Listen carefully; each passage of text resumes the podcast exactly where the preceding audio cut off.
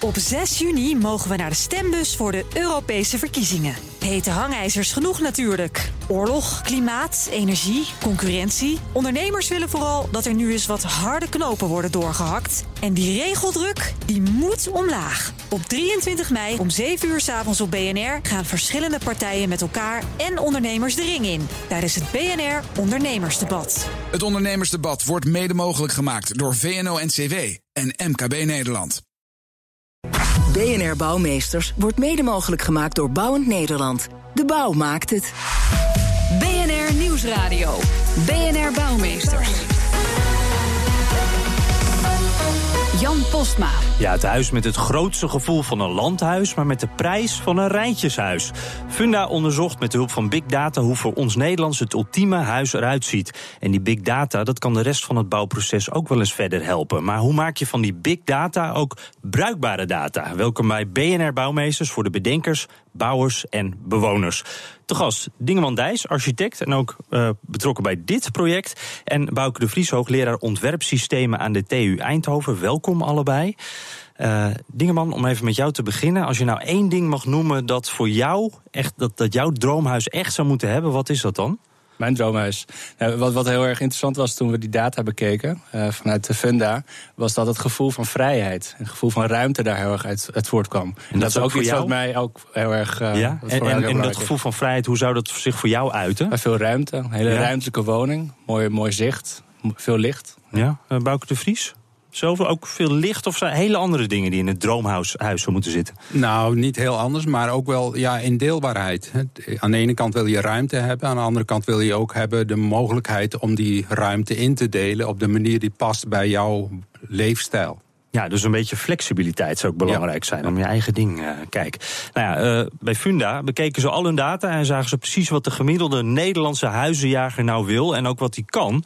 En dat is in het kort dus dromen van een kasteel, maar eindigen in een rijtjeswoning. Daarom werd het Rijtjeskasteel ontworpen. Verslaggever Thomas Schuurman. Julia van Gent van, uh, van Funda. Jullie hebben heel veel informatie. Kun je daar nou heel veel mee? Nou, in dit geval wel. We denken zelfs dat we een, een huis van kunnen ontwerpen. Althans, dat hebben we niet zelf gedaan, dat hebben de architecten voor ons gedaan. Maar uh, ik denk dat er nog veel meer mogelijkheden zijn uh, met data in het algemeen. Betekent dat eigenlijk ook dat Funda misschien die kant op gaat? Um, ja, dat vind ik moeilijk om te zeggen. Of, uh, ik denk in ieder geval niet dat we huizen gaan ontwerpen, dat dat ons, onze doel gaat worden. Maar we hopen wel dat data in het algemeen steeds belangrijker gaat worden. En uh, dat daar beter wordt, gaan, uh, wordt gaat kijken wat de, wat de woonwens nou eigenlijk is in Nederland. Funda weet dat bezoekers dromen van dat ene kasteel.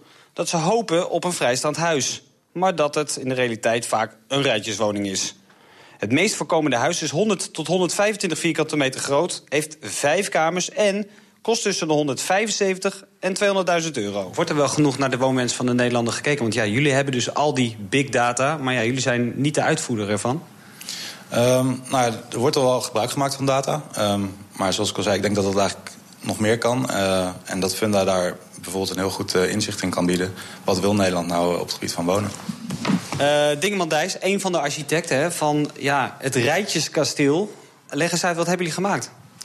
Uh, toen wij de data van uh, Funda geanalyseerd hadden, toen kwamen we erachter dat eigenlijk de Nederlander eigenlijk op zoek is naar uh, een gevoel van vrijheid, een gevoel van ruimte. En we hebben toen de, de, de ruimtelijke kwaliteiten van een kasteel als uitgangspunt genomen.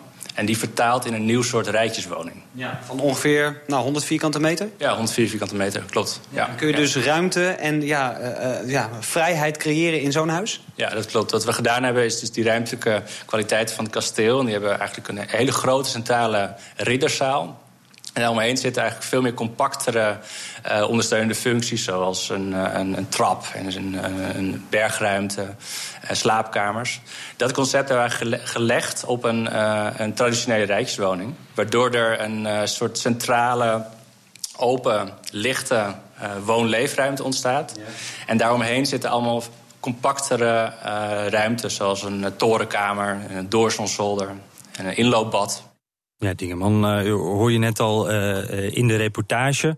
Die woonkamer, een soort ridderzaal is dat, noem je dat? Da daar moet dan dat gevoel van vrijheid helemaal terugkomen. kan je ons nog even meenemen in die ridderzaal? Hoe, hoe, ziet dat eruit als ik daar sta? Waarom voelt dat nou zo vrij? Ja, het is heel hoog. Dus het is een hele hoge ruimte van wel, wel zes meter hoog. met twee openslaande deuren naar de tuin.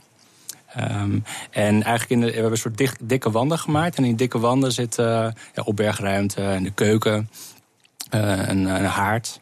Dus je hebt daar echt een, een ja, heel erg gevoel van ruimte, van Mhm. vrijheid. Ook, ook omdat die kasten dan echt zijn weg... Die zijn weggewerkt, ja. Ja, ja, Ja. inderdaad. Dan Ja. zit dan in de muren. Eh, want ik vraag me dan ook af, je vertelt een hele hoge ruimte. Eh, dat, dat gevoel van ruimte moet daar, daar dus door komen. Maar dat gaat ook ten koste van echte ruimte. Toch een zolder kan je daar niet meer bouwen. Ja, er zit wel een zolder in, maar we hebben dus de, de slaapkamer. ehm, we hebben, dus de slaapkamers hebben we wat compacter gemaakt. Dus eh, daardoor ontstaan er ook een soort bedsteekkamer.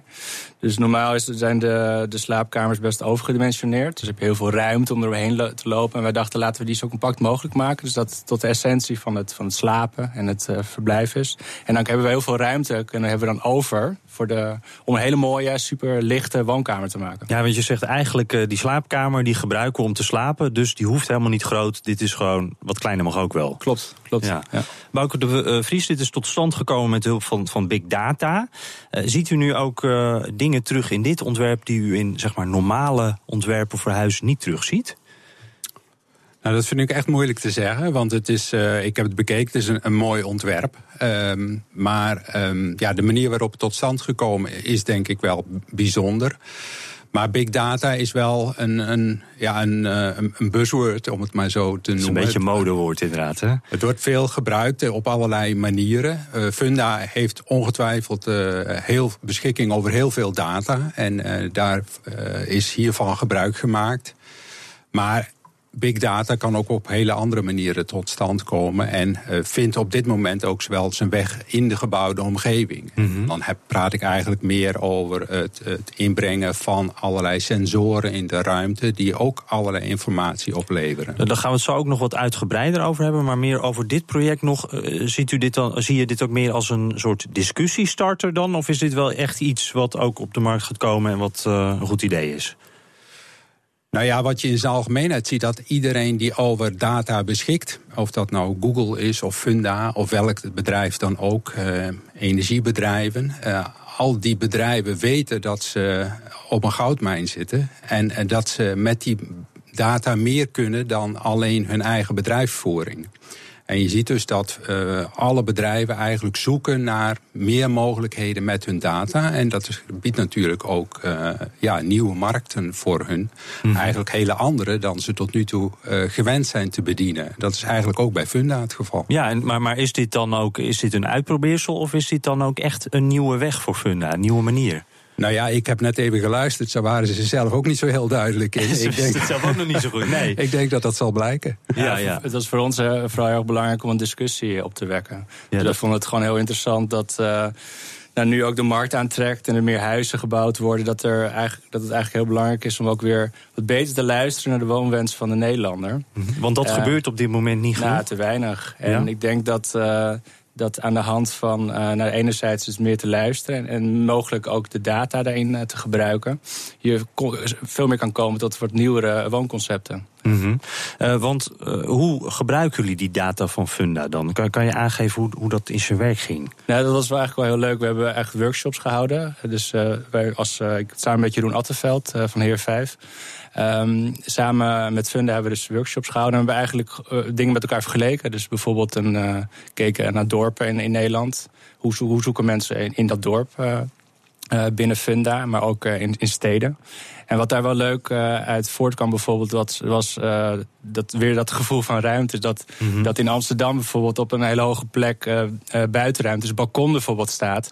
En in een klein dorpje dat daar uh, perceelgrootte weer uh, op nummer 2 stond qua ja. filters. En dan zie je toch wel een soort van uh, dat toch in dat het dichtbevolkte land als Nederland toch mensen toch het gevoel hebben van misschien moeten we, hebben we meer ruimte of meer vrijheid nodig. En, en, dan moest jij natuurlijk in, in het ontwerp dat jullie hebben gemaakt, die, die gemiddeldes bij elkaar brengen. Hoe, hoe doe je dat dan? Nou, wat, wat wij belangrijk vonden, dat het, dat het, de, enerzijds heb je dus de droom. Hè? Dus, dus je hebt daarnaast dus ook, dat, hadden we, dat was ook heel mooi aan, dat, aan, aan, die, aan die analyse, dat je de funzoekers hebt. Ja. Dus de mensen die dromen, die mensen die. Uh, die de kastelen uh, de en de, de landhuizen bekijken. De, de, de, grote, ja. grote huizen. En daarnaast heb je de, de realiteit. Dus de, de, de, de meeste mensen kopen toch een, een rijtjeswoning. Mm -hmm. Wij vonden het heel mooi om die twee uh, uitersten eigenlijk op elkaar te leggen. En daarvan een ontwerp te maken voor een nieuw soort uh, rijtjeswoning. Ja, dat uh, rijtjeskasteel, zoals het ook al een beetje genoemd wordt. Denk je nou echt, gaat dit op de markt komen?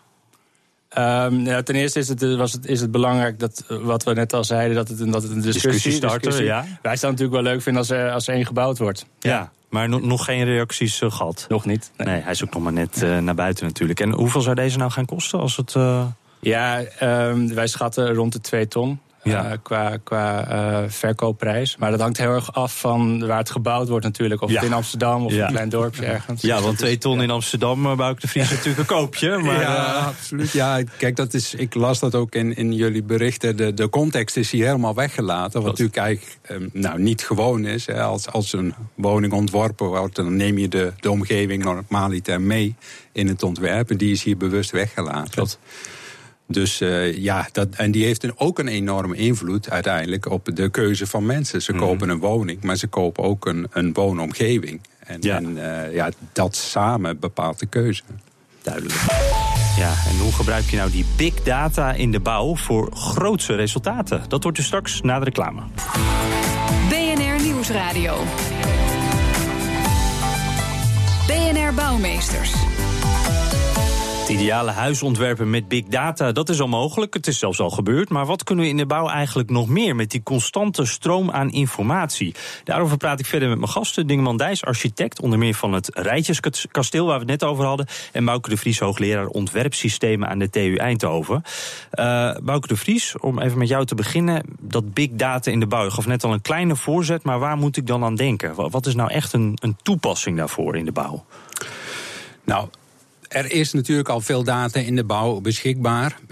Denk aan alle kadastrale data, uh, gebouwdata, woningdata, nog heel beperkt. Uh, wat er in Funda te vinden is uiteindelijk nog heel beperkt. Dus wij verwachten wel dat ook aan die kant er nog enorm veel meer data beschikbaar zal, beschikbaar zal komen. Dus echt 3D gebouwdata. Uh, dat is de ene groep. Uh, dat is tamelijk statische data. De ontwikkelingen gaan nog veel harder aan de kant van de real-time data. En dan moet u denken aan datastromen. die worden verzameld van, door gebouwbeheersystemen. denk aan verlichting, denk aan temperatuurmeting, vochtmeting, mm -hmm. aanwezigheidsmeting. Maar ook in de buitenruimte wordt tegenwoordig data verzameld door middel van camera door, maar ook daar sensoren. En die databronnen ja, die worden eigenlijk nog maar heel experimenteel aangewend. Daar wordt op dit moment ook veel onderzoek naar gedaan van wat kunnen we met die data. En daar speelt natuurlijk uh, privacy een enorm issue. Mm -hmm, mensen uh, zijn een beetje voorzichtig daarmee. Nou ja, mensen uh, zijn in ieder geval uh, argwanend, laat ik het zo zeggen. Ja. En, en de, de, wij als onderzoekers, maar ook de, de aanbieders van, van producten in die markt, die weten nog nauwelijks waar de grenzen liggen. Ja. En die worden eigenlijk op dit moment voorzichtig onderzocht. Uh, Uh, en omdat daar ook nog geen wetgeving is, uh, mm -hmm. Europees, nationaal niet. Dus op dit moment is een, een proces gaande van proberen wat ja. technisch mogelijk is en wat aan de andere kant acceptabel is. En zou er nou iets zijn waarvan uh, je zegt van, uh, nou, als we dit kunnen gaan meten, dat zou nou, daar zou ik zo blij van worden, dan zouden we zoveel verder komen? Nou, Natuurlijk zijn wij blij met veel informatie eigenlijk. Net als mijn collega architect hier. Ja. Met meer informatie kunnen meer we gewoon weten. Zeker, ja. zeker ja. Dus in zijn algemeenheid zijn wij alleen maar blij met meer informatie. Aan de andere kant speelt die andere discussie. Willen wij ook niet geconfronteerd worden met informatie over ons... die we eigenlijk niet hadden willen delen? Nou, en, en die discussie die, ja, die, die, die speelt zich af op twee totaal verschillende podia. En dat mm -hmm. moet wel echt bij elkaar komen. Want daar moet, zullen we als samenleving, als gemeenschap eigenlijk een antwoord uh, op moeten zien te vinden. Wat wij acceptabel vinden. En, en wie heeft daar dan een sleutelrol in? Wie moet het initiatief nemen? Nou, daarin spelen de overheden, de, de, ook Europa, de nationale overheden uiteindelijk wel een belangrijke rol. In Eindhoven doen we ook experimenten op dit terrein. Uh, in Strijp S, een wijk van Eindhoven, zijn we echt aan het onderzoeken wat technisch mogelijk is en wat de bewoners van die wijk acceptabel vinden. Mm -hmm. En dat is denk ik ook de enige manier om erachter te komen. Om dat van tevoren te bedenken, dat is bijna onmogelijk. Maar je zou kunnen zeggen, uh, laat de ontwikkelaars, de bouwers zelf wat meer het heft in handen nemen. Uh, ga zelf een beetje experimenteren. Maar je zegt eigenlijk, nou, laten we daar een beetje voorzichtig mee zijn. Nou, ik denk dat we vooral iedereen erbij moeten betrekken. En vooral ook de, uiteindelijk de bewoner, de gebruiker zelf. Ja. Wat we vooral niet willen, is dat er ineens een technologie op de markt komt. waarvan we achteraf denken: van waar zijn we nu mee bezig? Of wat, wat gebeurt hier? Dus wij proberen vooral de eindgebruiker, de bewoner, mee te nemen in die ontwikkeling. zodat ze ook ja, daar onderdeel van worden. En er uiteindelijk iets ontstaat waar iedereen uh, gelukkig van wordt. Ja, Dingeman, ik zie je knikken. Uh, ja, helemaal, mee eens. Helemaal mee eens. Ja, volgens mij is het een soort... Uh, ja, het moet in balans zijn. Dus enerzijds is het, moet je erg kijken naar de woonwensen... en hoe, hoe, mensen willen wonen. En het zou heel mooi zijn als data een bepaalde rol ook in kan spelen. En wat voor rol speelt data bij, bij jou als architect? die big data dan met name? Ja, op dit moment is het natuurlijk zo dat, dat het, het Project is een van de eerste projecten waar wij ook echt met, met data hebben gewerkt. Dus, mm -hmm. dus het is, het is voor, voor ons ook nieuw eigenlijk. Helemaal nieuw. en merk je dan ook, uh, zijn er reacties bij collega's? Uh, wordt hier met interesse naar gekeken? Of misschien ook een beetje met afgrijzen? Ja, het is pas net gelanceerd hè, sinds uh, gisteravond. Dus, uh, maar tot nu toe zijn er heel veel positieve reacties gekomen. Ja, ja, ja. ja. Uh, de Vries, hoe, hoe gaat de woningbouw veranderen door big data?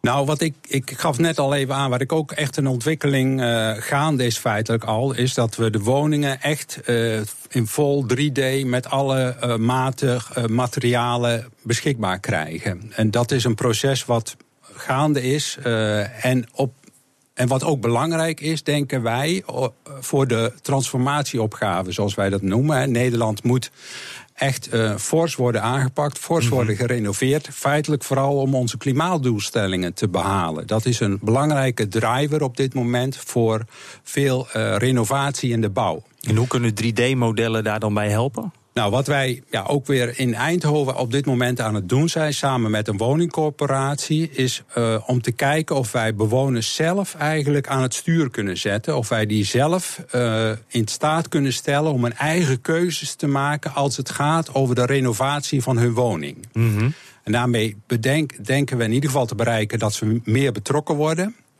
En aan de andere kant uh, dat we ook meer ja, een een uh, individuele keuzes toelaten. Het betekent dat er in de praktijk straks twee woningen uh, in een rijtje totaal verschillend kunnen worden.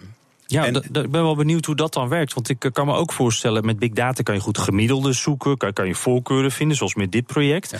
Maar het is ook iets heel persoonlijks. Hoe, ja, maak, dat... je toch, hoe maak je het persoonlijk? Nou, eigenlijk op de manier die ik net schets. Dus aan de ene kant denk ik dat het goed is om te weten wat het gemiddelde is. Aan de mhm. andere kant uh, zeg ik altijd: de gemiddelde mens bestaat niet. En niet, wat je wil is eigenlijk je woning aanpassen op je individuele wensen. Vroeger was dat lastig, want betekende dat kosten, was duur. Mm En dat is op dit moment nog maar heel gedeeltelijk uh, waar. Want we kunnen steeds beter eigenlijk, ook door de automatisering, uh, individuele wensen voldoen. Ook op bouwtechnisch vlak. Dus zonder meer kosten kunnen we eigenlijk woningen afstemmen op de individuele behoeften. En dat is ook nog eens van belang voor de, een andere opgave, namelijk dat we gewoon langer thuis blijven wonen met z'n allen. Mm -hmm. Wij worden ouder, wij moeten langer thuis blijven wonen en daarvoor moeten ook die woningen worden aangepast. Dus die flexibiliteit waar we ook mee begonnen is dan ook weer uh, belangrijk. Ja, en de informatie ja. Die, die, we, die we hebben over die woning, zodat we ook weten hoe we hem aan moeten passen op mm -hmm. die die veranderende wensen van ja. de bewoner. Uh, dat, dat, is heel ja. interessant. Ik, dat bureau waar ik mee samenwerk, Heren 5, die, die kijkt heel erg uh, doel, doelgroep specifiek.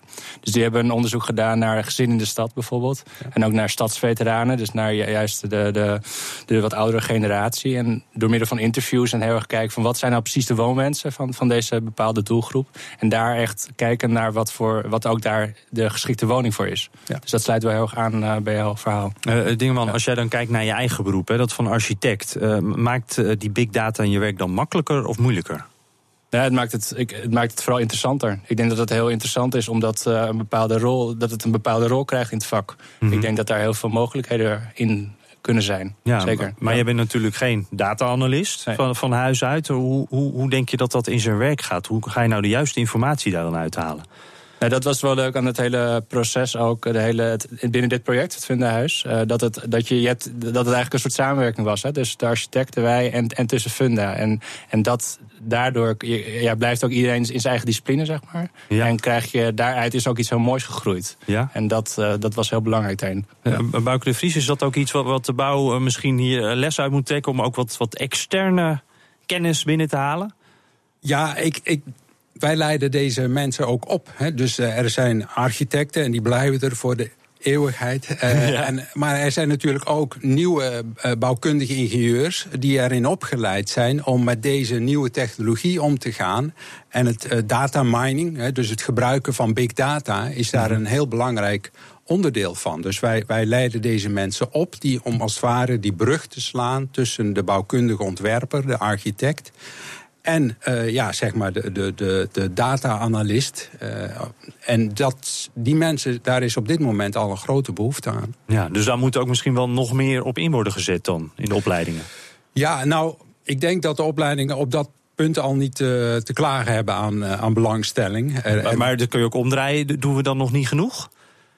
Nou, ja, ik, ik denk dat de, de opleiding op dit moment uh, behoorlijk in capaciteit al uh, gegroeid zijn om aan deze behoeften te voldoen. En uh, ik, ik denk ook dat, ja, het is altijd heel moeilijk om te kijken in, in de toekomst wat, wat de vraag zal zijn. Maar ik denk dat deze behoefte voorlopig nog wel even zal blijven. Vraag het Fred. Uh, ja, en uh, daarvoor moet ik nog eventjes zeggen... dank Bouke de Vries, uh, hoogleraar ontwerpsystemen aan de TU Eindhoven... en Dingeman Dijs, architect. En we gaan inderdaad door naar, naar Fred. Onze vaste rubriek waar we altijd een bouwvraag van de luisteraar beantwoorden. Met deze week de vraag, ik heb een gehorig huis... en daardoor hoor ik mijn buren nogal goed. Wat kan ik daar tegen doen? Nou Fred, jij ging op onderzoek uit. Ja, zeker. dat vraag kwam van een koppel. En ze wonen in een huis waarin een, waar naast hun een gezin woont... met puberende kinderen. En ja, dan wil ah. nog wel eens een woordenwisseling... Deuren zijn, slaan en stampen op de trap. Schelden, ja, ja. Ja, En dan kunnen ze altijd lekker meegenieten en daar hadden ze geen zin meer in. Um, belangrijk is eerst om even goed te checken uh, voor eventuele geluidslekken. Bijvoorbeeld bij de aansluiting tussen de gevel en de wand of via een gekoppeld ventilatiekanaal. En vergeet ook niet eventueel de kruipruimte, daar kan het ook nog in zitten. Nou, als het daar niet aan ligt, dan kan je kijken naar de muur die de twee huizen scheidt. Um, dat kan je doen door het plaatsen van, ja, let goed op, een buigslappe ontkoppelde voorzetwand aan één of beide zijden van de muur. Oké, ik hoor zelfs de experts hier naast mij al een beetje gniffelen. Een buigslappe, ontkoppelde voorzetwand. Ja, ja dat, uh, je kan de, de muur uh, kan je dan beter geluidsisoleren. Uh, en het buigslappen komt vanwege het materiaal. je moet zorgen dat het massief en zwaar materiaal is. Want ja, dat is, vangt die geluidsgolven beter op dan dat lichte, poreuze materiaal. Wat die trillingen niet aan kan. en het ontkoppelde wordt mee bedoeld dat je bij het monteren van deze muur... het frame, een stukje van de muur moet afplaatsen. en als je die platen daarna ertussen aanbrengt. Want anders dan. Ja, dat, dat frame is niet van het materiaal. Dus dat schakelt die geluiden nog steeds door. Ja, dus dan, ja. dan, werkt die wand niet meer. Ja. In de handel zijn gewoon speciale doe-het-zelf pakketten. Die kan je gewoon uh, kopen. En dan kun je op een hele eenvoudige manier die wand plaatsen met een mooi gipsen wandje. Vervolgens afwerken. En dan heb je een extra muurtje. Zodat je lekker uh, geen last meer hebt van je buren. En zelf ook. Uh, lekker bijvoorbeeld kan gaan drummen of een andere leuke nieuwe hobby kan gaan oppakken. Ja, oh, kijk, je zei ook binnenkort een uh, drumstel. Uh, dank Fred. En tot zover deze uitzending van uh, BNR Bouwmeesters. U kunt hem helemaal terugluisteren. bnr.nl slash bouwmeesters. En we zitten ook op Twitter. Dus hebt u tips of wilt u een vraag stellen aan Fred? BNR Bouw of mail naar bouwmeesters.bnr.nl. Dank voor het luisteren. BNR Bouwmeesters wordt mede mogelijk gemaakt door Bouwend Nederland. De bouw maakt het. Op 6 juni mogen we naar de stembus voor de Europese verkiezingen. Hete hangijzers genoeg natuurlijk. Oorlog, klimaat, energie, concurrentie. Ondernemers willen vooral dat er nu eens wat harde knopen worden doorgehakt. En die regeldruk, die moet omlaag. Op 23 mei om 7 uur s avonds op BNR gaan verschillende partijen met elkaar en ondernemers de ring in. Tijdens het BNR Ondernemersdebat. Het Ondernemersdebat wordt mede mogelijk gemaakt door VNO-NCW en MKB Nederland.